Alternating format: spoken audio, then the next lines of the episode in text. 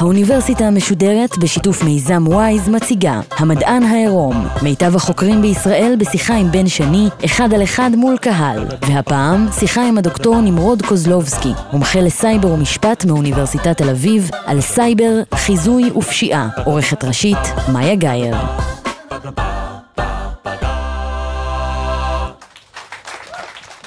ערב טוב לכם, האורח שלנו הערב דוקטור נמרוד קוזלובסקי חוקר ופועל בתחום שלובש מדי יום פנים יותר ויותר מפחידות. אנחנו מדברים על התחום שקרוי סייבר. תחום חדש יחסית כשמדובר במדע, תחום שנולד ככל שהתחלנו כולנו לחיות באינטרנט. הרשת שהחלה את דרכה כשם נרדף לחופש, מקום שבו כל אחד מאיתנו יכול לחיות חיים אנונימיים, להפיץ את האמת שלו, לנהל חיי מסחר, חיי חברה וחיים בכלל אבל לא נדרש הרבה זמן עד שברשת הזו גם הופיעו מי שיודעים לנצל אותה לרעה. ואם פעם חשבתם שהאויב ברשת הוא תיכוניסט משועמם בחדר בפרברים שגונב ממכם סיסמאות ומספרי כרטיסי אשראי, הרי שהיום הפשיעה ברשת גדולה יותר וממוסדת יותר, והניצול לרעה שלה כבר הופך לנשק קונבנציונלי במלחמות בין מדינות ובין גורמים שמבקשים להשפיע על כל תחום בחיינו. מקרב על התדמית של מנהיג צפון קוריאה ועד להטיית תוצאות הבחירות בארצות הברית.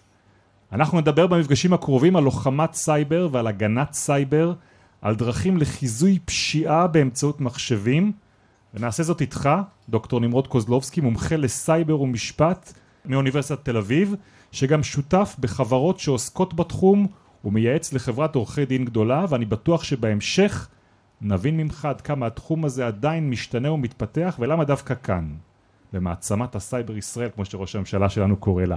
אנחנו במדען העירום של האוניברסיטה המשודרת סדרת הרצאות שמפגישה את טובי החוקרים עם קהל בברים זו סדרה משותפת לגלי צה"ל ומיזם וויז תעקבו אחרינו בפייסבוק ותוכלו גם אתם לקחת חלק במפגשים שאנחנו מקיימים בכל הארץ. הערב אנחנו בתל אביב בבר שנקרא הדיזי פרישדון. אז אחרי ההקדמה הארוכה הזאת אני רוצה לשאול אותך על העניין הזה שאמרתי שזה תחום צעיר, הרי תשמע, הסכנה כשאנחנו מדברים על אינטרנט זה שאתה תמיד תישמע זקן ולא מעודכן, נכון? שאתה בא לדבר על זה. לגמרי. אבל התחום הזה הוא באמת צעיר. פעם הראשונה שאני זוכר ש- שהיה שימוש במונח סייבר זה בכלל התחבר לסקס. אז אכן, בהתחלה אנחנו בעיקר התייחסנו לזה לכך. אבל היום סייבר, אני חושב, זה מילה שכל אחד מאיתנו יודע. כשאתה פותח את העיתון, עשיתי לאחרונה ניסוי, אין יום שאתה פותח את העיתון ואתה לא שומע על מתקפת סייבר. אז זה בעצם מתקפת סייבר, זה ניצול של הרשתות המחוברות, רשתות המחשבים המחוברות, כדי להשיג את מטרותיו של תוקף, לגנוב מידע, לפגוע במהימנות של מידע, לפגוע בזמינות של רשתות. סייבר האמת התחיל בכלל במדע הבדיוני, זה היה תיאור למרחב חדש. המחשבה הייתה זה שבניגוד למרחבים הפיזיים שלנו, המרחבים הגיאוגרפיים הפיזיים שלנו, קם לו איזשהו מרחב חדש, מרחב וירטואלי, כמו נקודת מפגש אה, בין מוחות או בין מחשבות, אבל שאין לה קיום פיזי ואישות פיזית. וממתי בכלל מתחיל פשע באינטרנט? פשיעה ברשת אה, או פשיעה ברשתות מחשבים הייתה כבר אה, ממש מראשית השימוש ברשתות מחשבים. אנחנו יודעים לתעד כבר בתחילת השימוש ברשתות ממוחשבות על פגיעה במהימנות מידע, כמובן ניסיון לגנוב מידע למטרות של גורמים שרוצים להשתמש במידע שהוא מידע חסוי, מידע שבעל ערך כלכלי, אבל אני חושב שרק בעשור האחרון אנחנו רואים בעצם אה, תופעה רווחת שפשיעה עוברת מה שאנחנו קוראים נודדת למרחב הקיברנטי. כשאתה חושב על הרבה מאוד תופעות פשיעה אז הפושע מבין שלבצע את אותה פעולה, הונאה, מרמה, סחר בחומרים אה, גנובים וכדומה, מתבצעת הרבה יותר טוב שהיא מתבצעת ברשת האינטרנט, יש פשוט יתרון למעבר. ואז אנחנו ברמה הקרימינולוגית מתארים את זה כהסתת פשיעה. יש לך נתונים? אתה יודע להגיד לי עד כמה המשטרה היום עסוקה בגנבות שנעשות ברשת מול לפני חמש שנים לצורך העניין? אז א', כל אחד זורק את המספרים שלו, אבל יש הנחה שאם פשיעת סייבר הייתה מעצמה, כלומר הכוח הכלכלי שלה, זה הייתה אחת מ-20 המעצמות הגדולות בעולם. היקפי ה... התגמולים שיש לפושעי הסייבר הם ענקיים. בכמה זה נמדד? מדברים על כמה עשרות אה, מיליארדים שיש בשנה של פשיעת סייבר, כל אחד והמספרים שלו הם קצת מוטים, יש כאלה שמנתחים את הרווח המיידי לפושעים, יש כאלה שמנתחים גם את ההפסד העקיף לחברה, אבל מה שמעניין בנתונים האלה זה שהם מתארים לנו בעצם את המגמה המואצת של מעבר של פשע ושל פושעים שבעבר פעלו בזירה הפיזית לזירה האינטרנטית. אני אתן דוגמה הכי בסיסית. אם בעבר תרמית כרטיסי אשראי, הייתי צריך ללכת אחרי אדם, לגנוב לו את הכרטיס, או להתקין מה שקראנו לזה שפתיים, שהיו קוראות את אה, פרטי כרטיס האשראי שהיית מתדלק לדוגמה או משתמש בו, ואז אני מבצע את העבירה. משהו שמטבעו מוגבל בהיקף שלו, מוגבל בפגיעה. היום פשיעת תרמית כרטיסי אשראי מתבצעת אחרת לחלוטין. אני חודר לתוך מאגר נתונים שיש בו נתוני כרטיסי אשראי רבים, אני פורק בעצם לפעמים פרטים של מאות אלפי או מיליוני כרטיסי אשראי, ומיידית מנסה לנצל אותם בחנויות ברשת או בקניית מוצרים ברשת כתרמית כמעט אוטומטית שמנצלת את זה. ההיקף עוצמת הפגיעה, ההשפעה הכלכלית שלה, השכיחות שלה, היא שונה לחלוטין. אבל כשאתה מדבר על, אה, על גניבת כרטיסי אשראי, זה מאוד ברור לנו, זה גניבה, אנחנו מרגישים שגונבים לנו את הכסף מהחשבון, אם אנחנו רואים את זה, אם אנחנו לא רואים את זה, אם באמצעי אלקטרוני או אחר, זה לא שונה מזה שמכייסים אותי לצורך העניין, גונבים לי כסף מארנק. איזה פשיעה היא מיוחדת לסייבר, לא קיימת בשום, אין לה אקוויבלנט ואתה הרי מומחה למשפטים, איזה ניג... פשיעה מיוחדת לרשת? אז בוא ניגע בכמה פשיעות שיש להן חומרה יתרה. סחר בפורנוגרפיית קטינים. זאת עבירה שבעבר הייתה מאוד מצומצמת. אדם שהיה הולך ומנצל לרעה קטין, מקליט אותו, מצלם אותו באיזה אקט מיני, מצליח למצוא את הסוטה שיקנה ממנו את זה. היום אנחנו מדברים על שוק של עשרה מיליארד דולר של סחר בפורנוגרפיית קטינים. מדברים בערך על 400 אלף סוחרים אקטיביים בפורנוגרפיית קטינים, מדברים על היקפי עתק, שאנחנו מדברים בעצם על הפשטות. יכולים לחטוף ילד במדינות עולם שלישי או קבוצת ילדים, לצלם אותם בסרטון מאוד קשה מבחינת אקטים מיניים, זה יכול להיות במצלמה בודדת עם אדם בודד, הוא חותך את זה למקטעים, וכרגע בצורה דיגיטלית בעצם בלי עזרה של אף אחד אחר עושה את ההפצה של זה, הוא מעלה את זה אנחנו קוראים לזה לרשת להפעלה לדארקנט, במקום שבו אין התחקות אחרי הגורם שהעלה את המידע, ובסופו של דבר מקבל את תמורתו מאנשים שתמורת הכניסה לאתר והורדת התוכן משלמים בביטקוין, מטבע אנונימי. הוא מפיץ בהיקפי ענק פורנוגרפיית קטינים, היכולת להתחקות אחריו אפסית, הוא עושה מזה רווח כלכלי אדיר. אתה אומר הוא, ואתה מכוון לפושע בודד, אבל כשאמרת קודם שהפשיעה נודדת לאינטרנט, יש שם גם ארגוני פשיעה, זאת אומרת משפחת סופרנו כמו שאנחנו מכירים, קיימת גם שם? בהחלט, בהחלט. אני חושב שאחד הדברים שהיום מנתחים בתחום זה את המעבר לתבניות מאורגנות של פשע. אנחנו אפילו קוראים לזה היום פשע כשירות. דבר שלא הכרנו אותו קודם, תחשוב על הדבר שהייתי רוצה לפרוץ לבנק. אז הייתי צריך כנראה כמה אנשים, מישהו שיודע לפרוץ כספות ומישהו שיודע כנראה לטפס, אני יודע מה, אותו מטפס חמקן. מקים אושן 11 כזה, כן, כן, ומישהו שהוא הדרייבר וזה, וכל אחד היה צריך להיות מספר אנשי תפקידים של לפרוץ לבנק בודד. והיה לנו איזושהי קבוצה שעושה את המעשה. היום אנחנו רואים שיש פשוט זירות מסחר שבהם סוחרים בכלי פשיעה בסופו של דבר, מה זו פשיעה? אני רוצה נגיד לחדור למאגר נתונים לגנוב מידע, אני צריך קוד מחשב זדוני שיודע לפרוץ לאותו מאגר מידע ולדלות את הנתונים. איך זה מתבצע? יש בעצם אה, האקר, חוקר מחשבים שמאתר את החולשה באותה מערכת מחשב ויודע גם לכתוב את הקוד שיודע לנצל את החולשה שזה בעצם עוד ברמה של חוקר המחשבים או האדם הבודד ואז הוא מציע את מרכולתו למכירה עכשיו יש שוק שחור ברשת שבו אני מציע לך בצורה מאוד פשוטה האם היית רוצה לקנות ממני כלי פריצה עכשיו הכלי הפריצה הזה הוא לא גנרי, זה לא אני מוכר לך מברג גנרי או משהו כזה, אני לא יודע מה תעשה איתו אלא אני מוכר לך את הקוד שיאפשר לך לפרוץ למאגר מידע מסוים או לתוכנה מסוימת וזה נקנה. עכשיו הטרנזקציות שבהם זה נקנה זה שהרוכש לא אומר את פרטיו והמוכר לא מספר את פרטיו הם אנונימיים הם בעצם תמורת ביטקוין שזה מטבע אנונימי מחליפים את הסחורה ועכשיו אותו גוף פשיעה מחזיק בידיו את הקוד שמאפשר לו לחדור למאגר הנתונים, מאפשר לו להשבית אתר, מאפשר לו לשבש נתונים והוא בעצם עכשיו מפעיל והרבה פעמים בהיקף רחב את כלי הפשיעה שהוא קנה. אז אנחנו בפעם הראשונה מדברים על מצב שיש שוק משוכלל. אגב, לכל אחד מהשלבים האלה יש שוק משוכלל. הרבה פעמים גם שגורם נגיד פורץ לאתר וגונב את הנתונים, יש יד הבאה בשרשרת שיודעת לקנות את הנתונים ולסחוט דרכם או להשתמש בהם. יש את הגורם הבא שאחרי שמקבלים כספים יודע להלבין אותם. יש שוק משוכלל, רק העבריינים יודעים, בניגוד לסיכון בעבר שעבריין אחד יפליל אחר, שאני אגיע למישהו בתוך הקבוצה והוא יעלה איתי במדרג השרשרת, היום הם מצליחים לבצע את זה באנונימיות מלאה. והמשפט יודע להתמודד איתם? יושב כזה ארגון באיזושהי מדינה שבה לא, לא אוסרים על הפעולה הזאת. איפה למעשה שופטים אותו, מביאים אותו לצדק? אני חושב שהנקודה שאתה מעלה היא מצוינת, בגלל שאין ספק שמערכת המשפט, ובעיקר מערכת אכיפת החוק, היא זו שבעצם משתמשת בכלי המשפטי, לא הצליחה להדביק בינתיים את הקצב. אם בהתחלה מערכת המשפט התעסקה בשאלה אם בכלל יש לי עבירות, היה... האם לגנוב מידע זו עבירת גניבה? אז משפטנים התעסקו בשאלות תיאורטיות, האם... שנים התעסקו בשאלה ובינתיים התעסקו בשאלה, אבל פרופילים ו-. השלימו לאחר מכן. שאלו את השאלה האם לדוגמה גנבת זהות, איך אני מגדיר אותה כעבירה, הגדירו את העבירה. העבירות קיימות. לאחר מכן הגיעו המשפטנים להתעסק בשאלה הפרוצדורלית. איך אני תופס ראיות אלקטרוניות? איך אני מקפיא נתונים שאני צריך אותם להליך חקירה? איך אני מצליח להגיש ראייה, להגיש מסמך לבית המשפט למרות הפגיעה במהימנות? זו הייתה התעסקות שלמה בפרוצדורה. לאחר מכן המשפטנים עברו להתעסק בשיתוף הפעולה הבינלאומי, ההבנה הזאת שהרבה פעמים אם אני לא אצליח לשתף פעולה בין מדינות, כמעט כל פשע אינטרנטי הוא פשע בינלאומי. מישהו מתל אביב רוצה לתקוף מישהו בתל אביב, הוא יכול לעשות את זה פשע בינלאומי, הוא יכול להשתמש דרך שרת זר, או להשתמש בשירותים של חברת מחשבים זרה ולהפוך את זה לפשע בינלאומי במובן שכדי לחקור אותו יצטרכו שיתוף פעולה של רשויות זרות. זאת אומרת, מה, לא יכלו להעמיד אותו למשפט פה בתל אביב?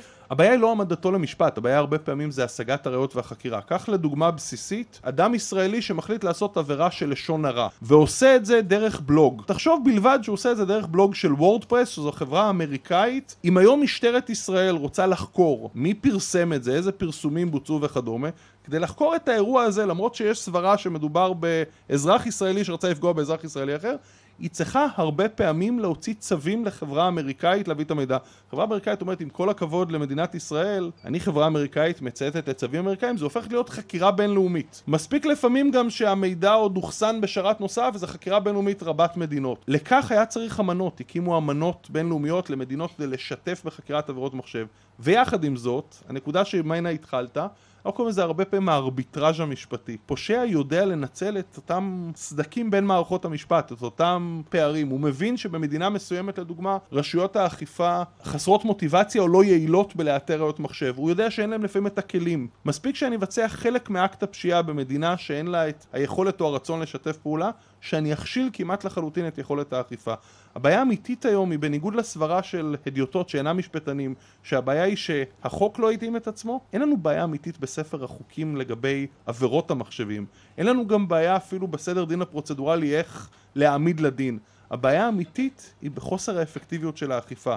יודע היום פושע שהוא יכול בצורה מאוד פשוטה, בלי הרבה תחכום, להסתיר את תקוותיו באופן שלא ניתן יהיה להתחקות אחר זהותו, במגוון כלים פתוחים ברשת, כלים של אנונימיזציה, שרתים שמאפשרים לו גלישה מכתובות מתחזות, הוא יודע שהוא יכול להצפין את המידע באופן שגם אם יתפסו את פיסות המידע לא ניתן יהיה לקרוא אותן, הוא יודע שהוא יכול לעשות את העבירה באופן שתעבור תחת כמה מדינות ותסרבל לחלוטין אם לא תכשיל את האכיפה והוא יודע דבר נוסף שהוא יכול לעשות את זה בצורה שהוא ימחק במהלך הדרך חלק מהראיות מה לגבי ההגנה?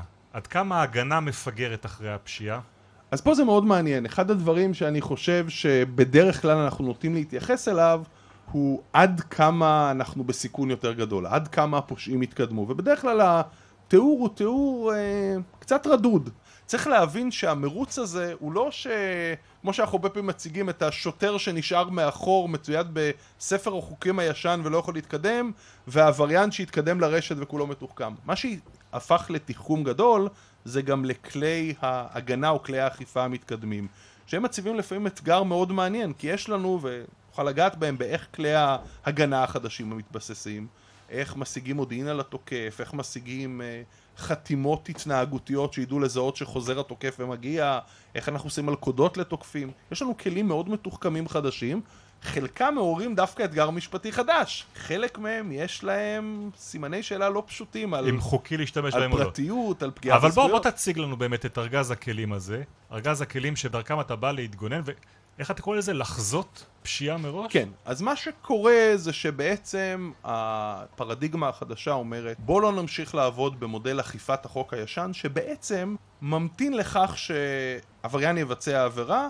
כי ההנחה הבסיסית שלנו במערכת המשפט היא הנחה שיש הרתעה ועכשיו אנחנו מניחים שהעבריין פועל על פי שיקול של כדאיות כלכלית ושואל את עצמו זה הסיכוי שאתפס, זה העונש, האם כדאי או לא כדאי לבצע את המעשה? וההנחה שלנו שאלה שלא יירתעו ויבצעו את מעשה הענישה, אנחנו נבוא במנגנון אכיפת חוק, נתחכה אחריהם, המשטרה תאסוף ראיות, אנחנו נפצח את הפשע ונעמיד אותם לדין. המודל הריאקטיבי הזה שפועל בדיעבד, כנראה לא מתאים לרשת, כי אז תמיד ניתקל במצב, אין ראיות, האדם לא ניתן לחזור אחריו, ראיות הועלמו, קשה לפצח. אז בעצם היום משתנה התפיסה, התפיסה המודרנית של אכיפת חוק אומרת בוא נעבור לפעולה פרואקטיבית, פעולה שבעצם פועלת לפני הפשע ומנסה או לחזות אותו או למנוע אותו. אני חושב שהייצוג הכי דרמטי זה היה הייצוג ההוליוודי. מי שראה את הסרט Minority אה, Report, דוח מיוחד עם תום קרוז, רואה את אה, תום קרוז מצויד במעין איזושהי מערכת שמוציאה כדורים, זה נראה כמו כדורי בדולח כאלה, שיודעים את העתיד, הם יודעים את הפשע שעתיד לקרות. בייצוג ההוליוודי, סרט של סטיבן שפילברג, הוא יודע על הפשע של הדקירה, של הרצח שהולך להתבצע, ותום קרוז רץ כחוקר בשביל להגיע לזירת הפשע ולהסיט את היד של העבריין רגע לפני שהוא רוצח. ובסצנה בסרט הוא אומר לו, אני עוצר אותך על הפשע שאתה עתיד היית לבצע. אז הוא אומר, רגע, אבל לא ביצעתי את הפשע. אומר לו, עצם העובדה שלא ביצעת את הפשע הוא לא רלוונטי מבחינת המשפט. אתה התכוונת לבצע אותו. וזה בעצם הייצוג של מערכת שאנחנו קוראים לה פרי-קריים. מערכת חיזוי פשיעה. מה שהיה סרט מדע בדיוני לפני אה, 20 או 30 שנה, היום המציאות קיימת. היום אנחנו בעצם חלק גדול ממה שרשויות אכיפת החוק מנסות לעשות. הם לחזות פשיעה מבעוד מועד במגוון דרכים ובעצם לתפוס את העבריין לפני שהוא ביצע את הפשע. אז בוא, דבר איתי על, על, על איזה פשיעה ואיך אתה מזהה אותה מראש. אז אני אתן לך דוגמה פשוטה ביותר, תרמית כרטיסי אשראי. חברת כרטיסי האשראי יודעת איך התבניות הרגילות שאני משתמש בכרטיס האשראי שלי. אם היום מישהו לוקח את כרטיס האשראי שלי ומנסה להשתמש בו ברעה, מיידית קופץ לחברת כרטיסי האשראי, הדבר שאנחנו קוראים לו אנומליה, חריגה. לפני כמה חודשים אני מקבל טלפון האם לפני חצי דקה ניסית לקנות מגפיים בשלושת אלפים דולר באינדונזיה? מיידית קפצה התראה לחברת כרטיסי האשראי, כי אני, כרגע הם ראוי להם, הם רואים שאני נמצא בישראל ומעולם לא הייתי באינדונזיה. גוגל מדווחת לנו שמישהו נכנס לחשבון ממקום אה, זו, שהוא מקום חריג. זו דוגמה מצוינת. גם גוגל שמנסה לאתר שימוש בלתי מורשה בחשבון, אומרת, אם מתוך החשבון שלי, שבדרך כלל אני משתמש בו במכשירים מסוימים או מכתובות מסוימות, פתאום נהיית גישה, ודאי במקרה חריג, מישהו באיראן נכנס לחשבון שלי. הם מניחים שהגישה לא מורשית ומתריעים. עכשיו, מה אני עושה ברגע שהמערכת זיהתה באופן פרואקטיבי, כלומר באופן מתוכנן היא זיהתה פעולה חשודה, מה אני עושה עם זה? זה כבר שאלה של מדיניות. תחשוב שפושע גנב כרגע את פרטי כרטיס האשראי שלי. אוקיי. Okay. ומנסה כרגע להיכנס באתר אינטרנט ולשלם בכרטיס האשראי שלי, מספיק שהמערכת לומדת שכנראה שהשימוש הזה חשוד כי הוא לא מתאים לתבנית, היא בעצם עוצרת את הטרנזקציה, היא עושה מה שנקרא deny, היא מונעת ממנו את היכולת להשתמש בכרטיס האשראי והוא לא מצליח לבצע את הפעולה הזדונית שלו.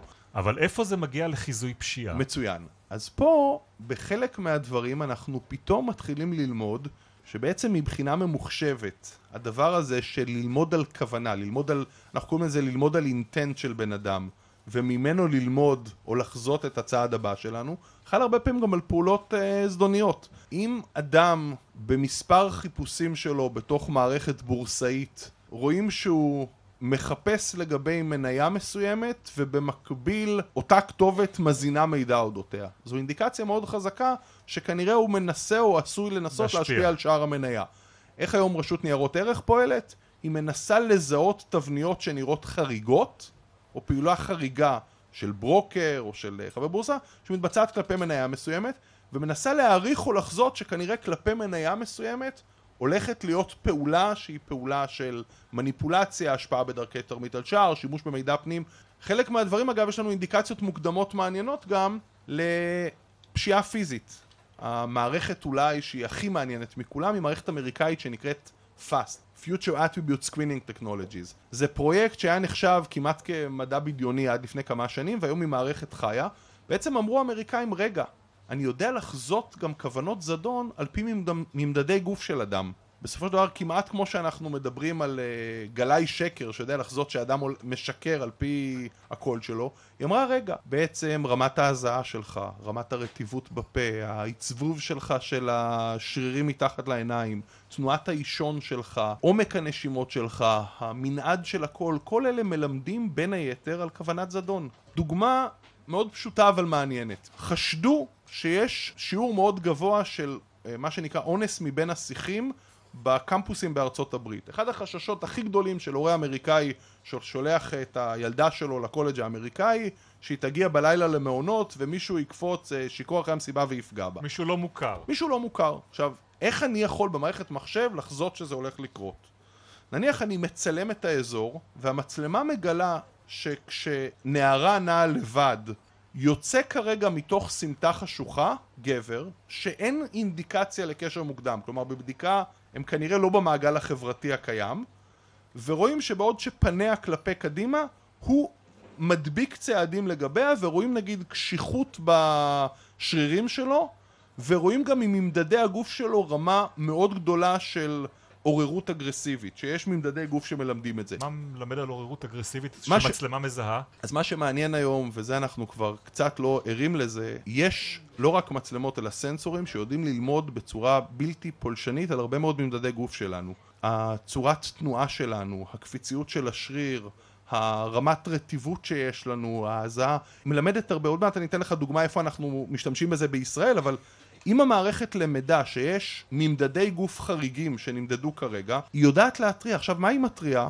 בקמפוסים האמריקאים, כשיש תנועה כזאת שנראית חשודה, היא אומרת, מספיק שאני אדליק זרקור גדול, או יעשה איזה קול רעש, שאדם, גם אם הייתה לו כוונת זדון, הוא כרגע לא יממש אותה. לפעמים, לא נורא אם טעיתי. כלומר, יש דבר שנקרא false positive, טעיתי. אבל אנחנו יודעים שזה יוריד ב-90 ומשהו אחוז את הסיכוי שיהיה עכשיו פעולה זדונית. לעומת זאת, יש אירועים שבהם אנחנו כל כך לא רוצים להטריד סתם אנשים, שזאת תקלה, זה טעות, שאנחנו נעדיף לטעות לטובת העניין של גם אם אני לפעמים מחמיץ מעשה אמיתי, ובלבד שאני לא אטריד את האדם.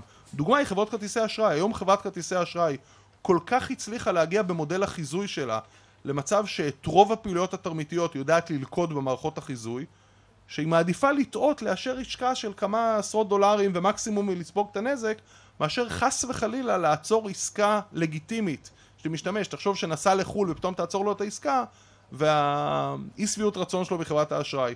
אז איך אני מחייל את זה? זה כבר שאלה של מדיניות. אבל היא גם יודעת לסנן מראש מי יכול להיות מי שינצל לרעה את האשראי שהיא נותנת לו, שלא יעמוד בהחזרי ההלוואות? בהחלט. זו נקודה מאוד מעניינת בעצם למעבר שהולך וקורה בשיטות הפרואקטיביות. בעבר אנחנו הנחנו שחלק גדול מהם יהיה לחזות את הצעד הבא, שאנחנו בדרך כלל קוראים לזה to predict an action. אני הולך לחזות מה הצעד הבא. הנחתי שאם אתה מחפש מידע על חברה ושם אותו בבלוג וגם במקביל משחק במניה, כנראה שהצעד הבא שלך יהיה תרמית אה, במניה. שזה לחזות את הצעד. הכיוון השני, והוא הולך ומתפתח, זה דבר שאנחנו קוראים לו פרופיילינג. זה לשים אותך בתוך פרופיל של מבצע, ולדעת להניח האם הפרופיל של המבצע הזה, יש סבירות שיבצע את הפעולה הפסולה. מה הכוונה? אני מנסה עכשיו לנתח את פוטנציאל המסוכנות שיש לאנשים, לא לפעולות שלהם. בפעולת האשראי לא אמרתי כלום על האדם, אלא אמרתי שמשהו בפעולה שלו... היה אישי. חריג. לעומת זאת, יש שיטה אחרת שאומרת בוא ננסה להניח מה הסיכון שיש מאדם. הערכת מסוכנות של אדם. השיטה הזאת בעצם מניחה שבכל אחד מאיתנו יש איזשהו פוטנציאל מסוכנות אחר כלפי פעולות אחרות, ושטכנולוגיה יודעת בעצם להעריך מה פוטנציאל המסוכנות. אתה ביחס לסיכון הזה, אני אתן לך דוגמה, כל, כל החיים שלנו מוצפים בעצם בסיכונים שצריך למדוד. כשאתה מקבל עובד לעבודה, אתה צריך לשאול את עצמך מה הסיכון שהוא ימעל בכספי החברה. אז חלק מהממדדים היום מנסים לקחת מבחנים שהשתמשנו בהם כמבחנים אה, אישיותיים בעבר. אם כולנו זוכרים את החוויה הזאת שהלכנו לפילאט והיינו צריכים למלא איזשהו שאלון של 200 או 300 שאלות כשלמד על האישיות שלנו, וגם אני תמיד צוחק על זה, לבנות עם חברים אה, בניין קוביות מלגו, תוך כדי שמסתכלים על פסיכולוגים, כזה. כדי ללמוד איך אתה מתנהג חברתית. ומה היה קורה שם? מישהו היה יושב ומנתח את המבחן שלך, שהוא מבחן מתוקף מבחינה אישיותית, ואת ההתנהגות שלך, ואומר, האיש הזה בסצנה לדוגמה של מתח בתוך הקבוצה, יעדיף לפעול כדי להדיר את עצמו כנגד הקבוצה. מישהו יעדיף תמיד ללכת לפעולה שמורידה לו את הסיכון. היה מבחן, אנחנו בסוציולוגיה קראנו לזה The Big Five, את חמשת תכונות האישיות המרכזיות שלנו, שנאת הסיכון, איך אנחנו עם קונצנזוס, ובעצם דירג אותנו על סקאלה. והייתה הנחה של פעולות מסוימות, אני מניח איזה פרופיל אישיות אני רוצה מאנשים. היום טכנולוגיה יודעת להעריך את זה לבד. אתם תהיו בהלם, אבל היום לא באמת צריך את המבחנים האלה, או לבנות קוביות מלגו עם חברים. יש חברות, כולל חברות ישראליות, שיודעות לרוץ על ההתנהגות החברתית שלך ברשת, איך נראית אינטראקציה שלך עם חברים אה, בפייסבוק. כשיש אמירה שהיא אמירה לא נעימה לך, אמירה פוליטית לא נעימה. האם אתה מנהל שיחה, או אתה מגיע בפוסט השני מיידית להתלהמות ולמשהו שנראה, אנחנו קוראים לו flaming. האם כשיש... אה, סיטואציות שונות של אדם אחר, האם אתה מפרגן לו ומאדיר אותו, או אם אתה תנקוט בפעילות שהיא קנאית ותנסה להפך, להציג אותו בצורה צינית. ומה, ואם מחר אני אחפש עבודה בבנק, אז הסריקה הזאת של הפייסבוק שלי על ידי אלגוריתם שבודק בכלל את הלייקים שאני מחלק, תגיד להם אם אני אדיב או לא אדיב? לגמרי. אז היום אנחנו בעצם לא יודעים, אבל ברקע פועלת טכנולוגיה, הרבה פעמים זה איזשהו אקט, תחשוב, אתה רוצה לקחת היום הלוואה ממה שקוראים לזה peer to peer loan, הלוואה עמית לעמית. זה בעצם הלוואה לא מהבנק, אלא הלוואה מתוך העובדה שאנשים אחרים מעמידים הלוואות. דרך אחת, אם אתה רוצה, זה תיתן לנו את הרשומות הבנקאיות והיסטוריה והכל, ונחליט האם אתה רשאי להלוואה. דרך שנייה, תן לנו את הגישה לחשבון הפייסבוק שלך, ואנחנו בעצם ניתן דירוג מבחינת סיכון שלך כלווה. בעצם אנחנו אומרים לך, תשמע, אנחנו לא נשתף עם אף אחד את המידע הזה, אם נחלטנו לא לתת לך אשראי, אף אחד אחר לא ידע את ההחלטה, אבל אנחנו מקבלים. עכשיו, איך אני מקבל את ההחלטה? אני מסתכל בהתנהגויות שלך, האם אתה כנראה הולך לקראת פעולה שיש לה פוטנציאל לסיכון מאוד גדול. זה נשמע לנו נורא מוזר, אבל אני פתאום רואה אם יש איזושהי צניחה בהתנהגויות החברתיות שלך שמלמדות שאתה נכנס לדיכאון. האם אני למד מתוך אינטראקציות שלך עם uh, בת הזוג שלך, שרואים שאתם פחות ביחד, מה שמלמד אותי שיש סבירות כלשהי שאתה הולך לפני גירושין וסיכוי של פוטנציאל כלכלי אחר. אני מנסה ללמוד מגרף ההתנהגויות שלך, האם אני רואה שיש לך פתאום נוכחות הרבה יותר גבוהה בסביבת אלכוהול, או הרבה יותר שימוש במילים אגרסיביות. עכשיו, מגוון טכנולוגיות יודעות לעשות את זה. יודעות לעשות טכנולוגיות שמנתחות מה שנקרא את ההתנהגות החברתית שלך. יש טכנולוגיה שאנחנו קוראים לזה Natural Language Processing, יודעת לאבד שפה טבעית. יודעת לרוץ על הפוסטים שלך ולראות כמה פעמים בפוסטים יש נגיד שפה שהיא שפה אגרסיבית, שימוש במילים שהן מילים שמלמדות אלימות. היא גם יודעת לרוץ על התמונות שלי? אז זהו, אז יש גם טכנולוגיה שיודעת לרוץ על התמונות. טכנולוגיה שיודעת לרוץ על התמונות לדוגמה יודעת, וזה נקרא Computer Vision, זיהוי תמונה, יודעת לזהות מדברים בסיסיים, כמה פעמים אתה נראה בסביבה של קרבה לאלכוהול. תחשוב נגיד על הסיפור של אובר. זה נשמע לנו הזוי. מי מאיתנו היה מעלה על דעתו לתת לאדם, נקרא לזה בשפה יפה, בין עבודות, להחליט שאני סומך עליו שהוא יסיע אותי. זה היה נשמע לנו הרבה פעמים מוזר. אז אובר הבינה שבאמת אחד הפוטנציאל סיכון המאוד גדולים שקיימים לה זה שאולי אדם אגרסיבי יותר, או אדם לא, לא כל כך אה, עם תבניות התנהגות רגילות, יסיע אנשים. אז החליטה, אני צריכה למדוד את האנשים מראש. אז אובר אמרה, אם אתה רוצה להיות נהג אובר, אני רוצה או שתעבור איזשהו מבחן התאמה, או שתרשה לי להיכנס לפייסבוק שלך ולבדוק האם יש לי איזשהו אינדיקציות חשודות. כי היא אומרת, הסיכון שלי יותר מדי גדול שאני בפלטפורמה אתן לך כרגע אה, לנהוג אנשים. צריך לנתח אותי, האם משהו במאפייני אישיות וההתנהגות שלי מלמדים שכנראה אני הולך לעשות את זה. זה נשמע שאתה נורא סומך על המערכות האלה. שאתה חושב שהם עושים את העבודה שלהם נורא טוב. תראה, אני אגיד לך ככה, פה יש לי איזשהו, אני חושב, אמביוולנטיות. מצד אחד אני חושב שההתקדמות שקרתה לנו ברמה הטכנולוגית במערכות שיש להן יכולות חיזוי או יכולות הערכת אנשים, היא פריצת דרך מרתקת להרבה מאוד דברים. אה, שיש לזה כמובן פוטנציאל מאוד גדול לשימוש במערכות האלה. מצד שני, אני גם חושב שיש אה, צד בעייתי לדברים האלה. עצם העובדה שאלגוריתמים פועלים ברקע, ואני לא בדיוק יודע מי כתב אותה, מה ההטיות שלו, איזה מידע הוא מחפש. יוצר איזה מצב, אני קראתי לזה לאחרונה בהרצאה שנתתי, שאנחנו בעצם מתנהלים על פי מראה אלגוריתמית. יש את נמרוד, אבל יש את בעצם נמרוד כפי שמערכת המחשב רואה אותו. שכל הזמן אוספת את פיסות המידע עליו ומייצרת איזשהו סיפור אודותיו או איזו הערכה על נמרוד. והרבה פעמים מה שיכתיב את החיים שלי זה לא הנמרוד הפיזי שיושב כאן, אלא הנמרוד הדיגיטלי ואיך הוא נתפס. והבעיה הגדולה מאוד שיש לי זה שאני לא בדיוק אדע מי כתב את האלגוריתם ולמי הוא העביר אותו ולמה זה שימש. אין לי ספק שחלק מהשיחה שאנחנו צריכים לנהל היום כחברה זה מה המשמעות לחיות בסביבה שבה יש שיטור אלגוריתמי, שחלק גדול מחיינו משוטר על ידי אלגוריתמים שמסתכלים עלינו, מעריכים אותנו, מנתחים אותנו, מוסרים את המידע לאחרים, אבל אנחנו לא ערים לזה. אני חושב שעל זה אנחנו נדבר בדיוק במפגש הבא שלנו איתך. דוקטור נמרוד קוזלובסקי, אל תלך לשום מקום. אנחנו ניפרד עכשיו מהמאזינים שלנו בגלי צה"ל, ונמשיך את השידור בשבוע הבא. עד אז נודה לצוות שלנו בגלי צה"ל ולשותפים שלנו במיזם וויז, ועד הפעם הבאה, לילה טוב.